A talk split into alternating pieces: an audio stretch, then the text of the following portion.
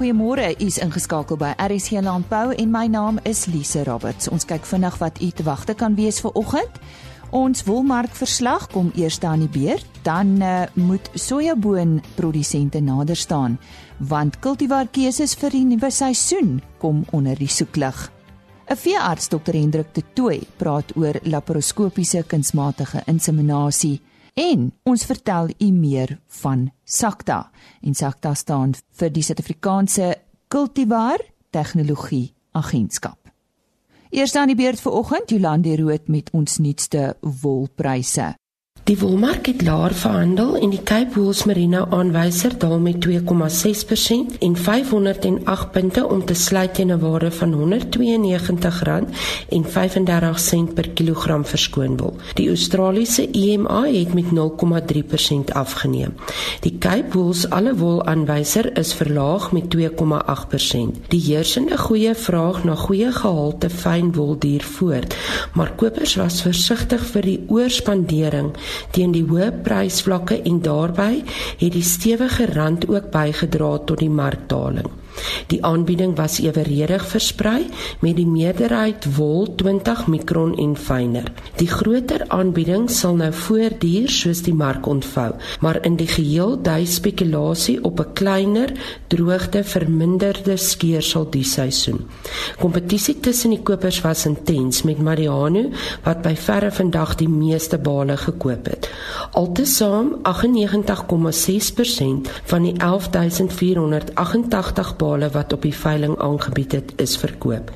Die grootste kopers op die veiling was Modiano met 4194 bale, Standard Wool SA met 2913 bale, Tianyu SA met 1677 bale en Lempriere SA met 1519 bale. Die gemiddelde skoonwolpryse vir die seleksie binne die verskillende mikronkategorieë goeie gehalte langkamwol tipes was soos volg: 18,0 mikron daal met 5,3% en sluit teen R232,12 per kilogram. 18,5 mikron neem af met 2,9% en sluit teen R226,60 per kilogram. 19 mikron verlaag met 3,3% en sluit teen R212,56 per kilogram. 19,5 Omron verswak met 1,7% en sluit teen R202.85 per kilogram. 20 mikron is onveranderd en sluit op R188.80 per kilogram. 20,5 mikron is onveranderd en sluit op R179.16 per kilogram. 21,0 mikron verlangsaam met 1,6% en sluit op R175.39 per kilogram. 21,5 mikron het 1,8% afgeneem en sluit op R168,06 per kilogram. 22 mikron daal 2,2% en sluit op R164,08 per kilogram. En 22,5 mikron is 1,9% swakker en sluit op R161,20 per kilogram. Die volgende veiling vind plaas op 29 November wanneer wanneer 14800 bale aangebied sal word. Baie dankie en dit was Jolandi Rood met die nuutste wolmark verslag. Die nasionale sojaboon kultivar resultate vir die 16-17 seisoen is bekend gemaak. Ek gesels nou hieroor met Annelie de Beer van die Instituut vir Graangewasse op Potchefstroom. Annelie, watter belangrike eienskappe moet oorweeg word as dit kom by vanjaar se keuses? Lise, ja, uh sojabone anders as die meeste gewasse is gevoelig vir daglig lente. Dit sal dieselfde kultivar anders presteer in 'n koue gebied as in 'n warm area.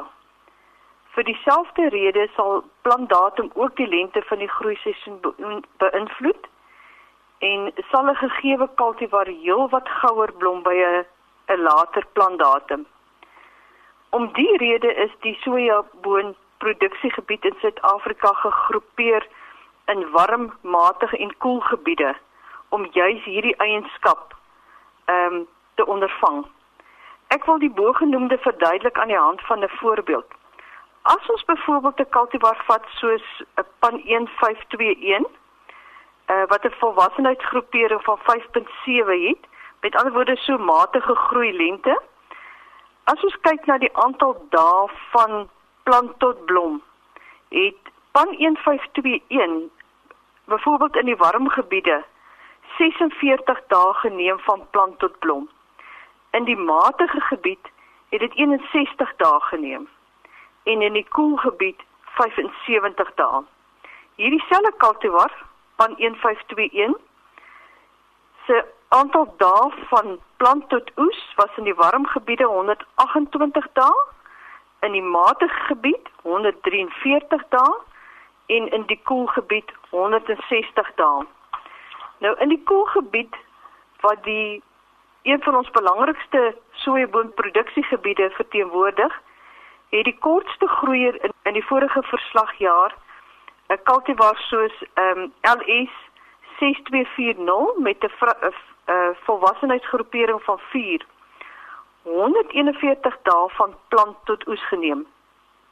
Terwyl die langste groeier wat in die proewe ingesluit was, 'n cultivar NS 7211 met 'n volwassenheidsgroepering van 7.2 170 dae gevat het van plant tot oesryp. Met ander woorde 'n verskil hier van 29 dae ehm um, of anders gestel 'n maand. Nou omdat sojabone geneig is tot 'n oopspring, kan hierdie inligting met ander woorde dae tot oesryp gebruik word om kultivars te selekteer wat verskillende groei lengtes het om sodoende te verseker dat alle aanplantings nie op dieselfde tyd oesgereed is nie. En daardeur kan mens of die produsent dan oesverliese beperk. Nou, ehm um, alhoewel sommige van hierdie kultivars meer geneig is tot oopspring, speel klimaat natuurlik ook 'n baie belangrike rol.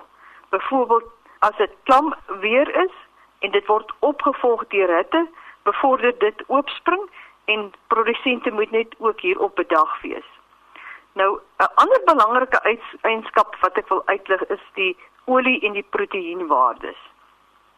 Nou alhoewel hierdie eienskap geneties vasgelê is, word dit ook beïnvloed deur die omgewingstoestande. Met ander woorde, jou reën, temperatuur en ander stremmingstoestande het 'n invloed uiteindelik op jou proteïen en oliewaarde.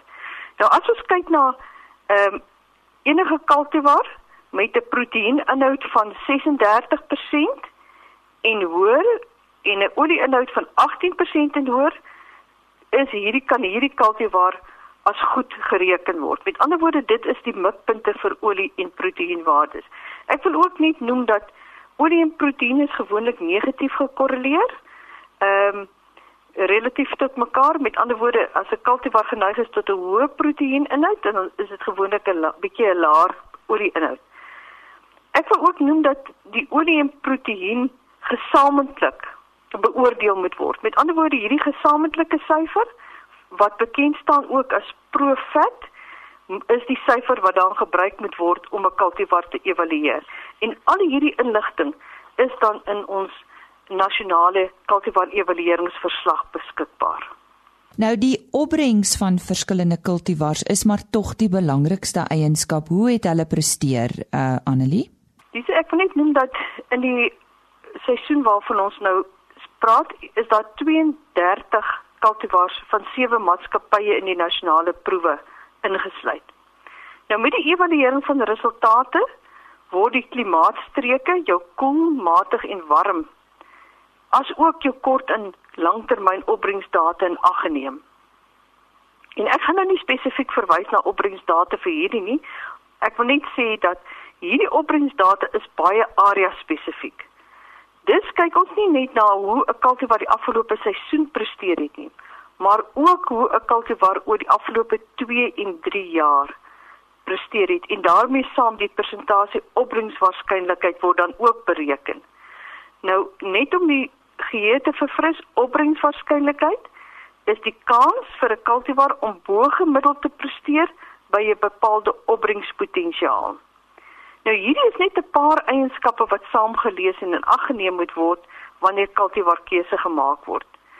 Nou vir meer area spesifieke inligting kan die kultivar evalueringsaanbeveling gratis. Dit is 'n harde kopie of elektronies beskikbaar by die Landbounavorsingsraad Instituut vir Graangewasse en hierdie inligting kan ook verkry word op die webblaaie van die LNR en van Graan SA.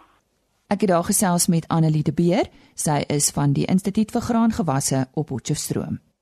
Op 23 November is SAKTA amptelik bekend gestel. Nou SAKTA is 'n kultivar en tegnologie agentskap. Die voorsitter van SAKTA is Andri Stron. Hy is ook onlangs verkies as voorsitter van die Proteïen Navorsingsraad. Hy verduidelik wie SAKTA is, hoe dit tot stand gekom het en hoe jy as produsent hierby sal baat. SAKTA is 'n nuwe winsgewende maatskappy wat ons gestig het om hierdie hele stelsel van endpoint royalty of endpoint tantieme vir ons te dit in te voer, uh, te bestuur en te verdeel aan die ons ons op hierdie stadium ons prinsipale is die teelers. Dis sê ons ons bestuur hierdie geld uit van hulle. Ons maak seker dat elkeen sy regmatige deel ontvang. So dis hoekom SAKTA daar is. Hoekom hoekom het hy hoekom het hy sy ontstaan gehad? Ons kom uit 'n model van in die koringbedryf van die Wintergraan Trust uit. Nou nou in in hierdie hele eindpunt aan die tema of endpoint royalty stelsel is dit net die produsente wat bydra. Maar binne die wintergraan, nou kom kon jy nie dit gebruik het om of die wintergraan trust dan nou gebruik het om om hierdie geld te bestuur nie. Jy sit met totaal ander belangegroepe, die meelenaars sit daar, so die bakkers sit daar, die verbruikers. Dit is nie hulle geld nie. Dit is nie hulle maak geen bydrae daartoe nie. En uh, dit is geld hierdie wat ons as boere saam met die ander rolspelers wat wat betrokke is, die teelers ensovoorts. Maar ons betaal dit om ons bedryf te bevorder. En en die ou modelle was net nie meer geskik daarvoor nie want die belangegroepe is te wyd uh, uiteenloop en so. Ons moes iets nuuts stig wat effektief is, wat uh, wat die bedryf ken en dis hoekom ons baie van die ou rolspelers gehaal het en deel gemaak het van die SACTA en LNL wat die administrasie doen uh, en ek dink dit werk perfek. Jy praat nou met 'n produsent en jy sê vir hom wat gaan die voordeel wees vir hom? Op die einde van die dag, as jy gaan kyk na na na in enige boerdery wat jy het, in oliesade of 'n wintergraan of wat ook al, in alle hoofbestuifde kommoditeite is dit so dat ons as boere hou saad terug. Dis 'n ekonomiese oorweging, dis 'n gegewe. Dit het tot gevolg dat dat dit is eintlik 'n bose kringloop wat geskep is dat hoe meer ons terughou, minder saad word verkoop, hoe minder is teelers stel belang om nuwe kultivars te ontwikkel. En dit was 'n dilemma in hierdie hele bedryf. En as jy daar gaan kyk na in 'n in 'n inkomste model is dit opbrengs maal met die prys. Of hoeveel dit maal met die prys. So wat probeer ons hier doen? Ons probeer daardie uh opbrengs daar die hoeveelheid wat ek kan produseer moet ek so vinnig as moontlik soveel as moontlik kry om my winsgewendheid te verbeter want dit in die koringprys spesifiek het uh volhoubaarheid onder druk gekom omdat dit net doodgewoon nie winsgewend is nie en as jy dan gaan kyk ook in die sojabedryf weer uh gaan ons presies hierdie selfde paadjie loop. Uh van ons hou saad terug het jy nie toegang tot die nuutste tegnologie nie want die groot Monsanto is en Bayer en die groot maatskappye nie weer stel nie belang in Suid-Afrika nie want hy hy ontwikkel vir miljoene dollars en miljarde dollars hierdie nuwe kultivars ons koop hy kultivar een keer en dan ons om terug. So hy stel nie belang om sy nuwe tegnologie Suid-Afrika toe te bring. So so laat ons liewer proaktief optree dat ons die die oliesade bedryf deel maak van hierdie bestuur en die, en voor ons in daai krisis voor daardie grafiek wie ook soos die koolbedryf sê nou laat ons die oplossing soek. Nou jy het ook 'n opmerking gemaak en gesê dit is deursigtig. Dit adresseer alle kommoditeite. So daar is nie iemand wat bekommerd sal moet wees om te sê hoorie maar dit waarmee ek boer, gaan julle my daar ook help nie. Ons gaan verseker kyk na almal. Ek dink dit sou dis die koring was 'n koring en gas was al die klein bedryfies wat ons mee begin het. En uh, soja so dis nou die vir het. Maar as jy gaan kyk na en ek verwys hier spesifiek na volhoubare produksie in die Weskaap. In die Weskaap het ons canola en koring en gas. En dis min of meer waar dit eindig. Maar as jy nou toenemend is daar vraag na goed soos lupine, haver ensovoorts om 'n volhoubare stelsel te vestig. In Australië is van hierdie van hierdie kommoditeite jy beskikbaar. Uh, dis daar so. Maar die is uh, die teelers daar se stel glad die belang om maar goed Suid-Afrika te testeer nie want hy weet ons gaan hom een keer koop, dan nou is die saad op die plaas terug en die, en en en as ons weer terug in daai bose kring op. So dis die goed wat gaan uitsprei daai.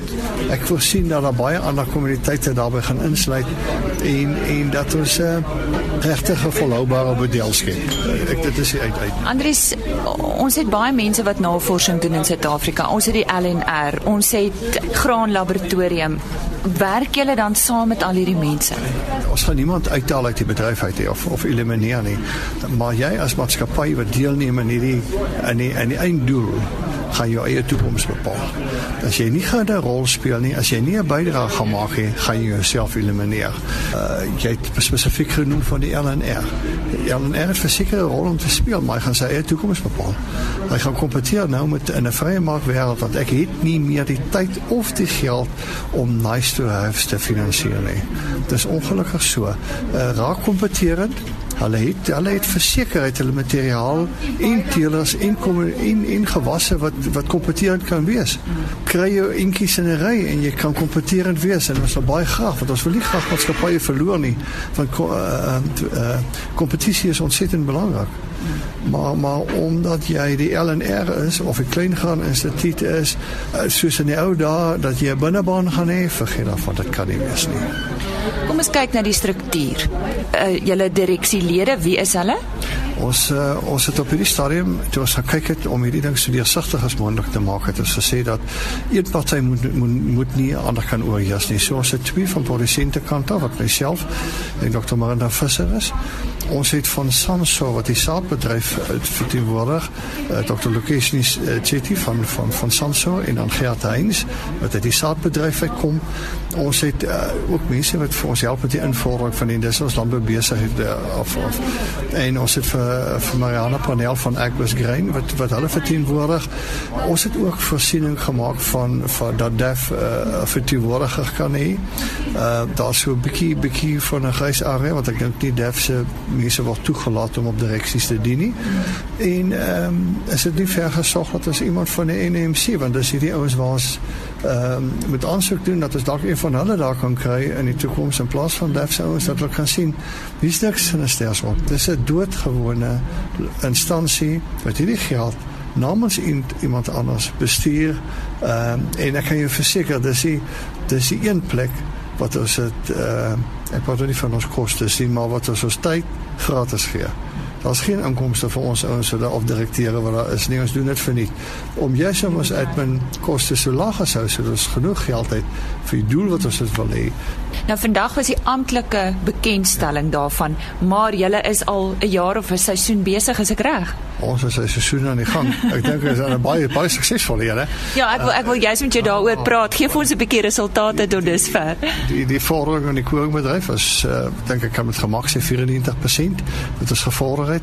Uh in die gasbedryf is dit 97%. Vir eerste jaar is dit skitterend. Ons het die verdeling reeds gedoen, die instellings betrokke of die teelers betrokke. Uh ons het geauditeerde, geverifieerde saadverkope sate gekry. Ons het fantastiese samewerking van ons produsente gekry van ons landboubesighede gekry wat wat ehm uh, uh verklaringe van hulle kant wat saad dit is en wat is en ons het ook die nasionale uh, die SAGL uh, se inligting gebruik om om te waarde saad verifiering doen. En dit is fantasties. Die korrelasie tussen hierdie goed was was was bykans perfek. En uh, ons is baie gemaklik dat uh, die Ek dink ons het baie na 'n perfekte verdeling van hierdie fondse gedoen alreeds. Twee van die instellings het reeds hulle fakture of uh, vir ons gestuur en is die geld reeds aan hulle uitbetaal. Die ander een uh, uh wag ons nog vir hulle 'n klomp geld vir hulle. Hulle wag nog net vir hulle fakture wat hulle vir ons moet stuur en bewyse en dan kan hulle geld kry. Ek het vir Andri Stron ook uitgevra oor die huidige landboutoestande daar in sy omgewing, dis natuurlik die Swartland. So bly ingeskakel aan die einde van die program sal ons meer nuus hieroor gee. Ons het gisteroggend 'n bydrae uitgesaai vanaf uh, die Oos-Kaap. Uh, Karen Venter het met Jules van Aard gesels. Hy's 'n boer van Baffiaanskraans naby Bedford in die Oos-Kaap. Volgens gesels sy juis met die veearts Dr Hendrik de Tooy wat betrokke was by die laparoskopiese kunsmatige inseminasie op Jules van Aart se plaas. Hendrik de Tooy is 'n veearts by Genco. Ons is op 'n plaas by 'n boer in die Oos-Kaap waar ek hom ontmoet het en hy wil baie graag vir die luisteraars vertel wie is Genco. Asai, dankie. Ehm um, my naam is Hendrik de Tooy. Ek is 'n veearts ehm um, hier om laparoskopiese inseminasie te doen van 'n paar marine oetjies ehm um, hier by Jules se plaas. Ons is ehm um, 'n klein vee reproduksiemaatskappy genaamd Genco. Uh dis myself en uh, my vernoot Dr. Frans Jooste. Dan ons vir Willemien Jooste, Inge Bednausen en Nanny de Villiers wat uh, in die agtergrond al die werk gedoen kry. Ehm um, ons doen basies ehm um, laparoskopiese inseminasies van skaap en bokke. Ehm um, ons doen ook embryo spoeling vir um, vir die boere self en vir uitvoer en dan het ons uh, nou onlangs 'n bietjie met beesreproduksie werk begin. Uh ook embryo spoelings in uh in KI en vaste tyd KI en al daai klas van goed. Ehm um, ons stasie is in Philipstown in die Noord-Kaap. Philipstown sit tussen die Aar en Petruswil en dit is omtrent reguit wes van ehm um, Koelsberg vir die wat nie weet nie. Ehm um, daar het ons staan plek van omtrent 250 oeye en tot 50 ramme seker. Daar's ons maar altyd 'n paar oetjies en rammetjies in in die stasie. Ons doen ehm um, saadvries in bewaring vir boere. Uh embryo spoelings doen ons meestal op stasie. En uh die laparoskopiese inseminasies is 95% of meer van dit sal op die pad wees. Ehm um, ons werk maar reg oor die land. Verste kliënte is in Maamsbury in die Kaap in um, uh, Wakkerstroom pofadder Calvinia eh, Kanaven ver baie in die Oos-Kaap is ons gereeld so ons is maar reg oor die land. Uh Dr Frans Jooste het ek skat omtrent 6 of 7 jaar ek jok dalk 'n bietjie vir oor die tyd uh terug die um kliniek oopgemaak. Ehm um, ja, so hy is 'n geregistreerde veterinêre reproduksie spesialis. Hy het nou eintlik meestal daarmee begin. Ons werk redelik baie in die buiteland. Ons het baie werk in Skotland, Engeland en Wallis. Frans was al op die Falkland eilande in China eh, in Europa rond in Australië so ons werk reg oor die wêreld maar ehm um, die hart van ons besigheid lê maar hier in Suid-Afrika en Noord-Kaap en Oos-Kaap sal ek sê is 90% van van die werk wat ons doen lê hierso. Ek het ehm um, toe ek 'n klein seentjie was ehm um, 4 of 5 by, by my oom hulle gekuier, hy's 'n veearts in die aar gewees en naweek in vakansie saam met hulle gewerk en hy het self daai tyd ook uh, embryo spoelings en laparoskopiese inseminasies gedoen en uh, van toe af het ek maar eintlik geweet ek wil veearts word. En van daar was dit nou maar eh, 'n uh, lang pad om uit te kom en 9 jaar se geleer en ehm um, Uh, ek het so 'n bietjie kliniek gedoen in Riversdal in die Suid-Kaap en van daar af saam met Frans begin werk hier en uh, nou doen ons maar net reproduksiewerk. Ehm um, die laparoskopiese inseminasies het beduidende voordele vir die boere wat ek nie eintlik in so kort onderhoud kan bespreek nie. Ehm um, ek dink enige iemand wat belangstel om te doen moet vir ons 'n lei gee by die kantoor. Jy gaan daar met Nanny gesels. Dit sal 083 3085277 wees. Ehm um, en dan gee ons 'n lei en ons kan lekker gesels en ehm um, daar is baie plek om om nog 'n paar ouens in te kry. Uh daai nommer net weer 083 308 5277. Die stem daarvan Dr Hendrik De Tooy. Soos beloof, meer oor om huidige omstandighede in die Swartland omgewing aan die woord Andri Stroon. Ek dink dis die grootste ramp wat die Weskaap nog kon tref. Regtig, ek ek noem dit 'n ramp. Ehm um, in die Swartland gedeelte wat dit die eerste is sonder uitsondering almal van ons het 'n bietjie groter potensiaal nog verwag en almal van ons het die oeste oorskat.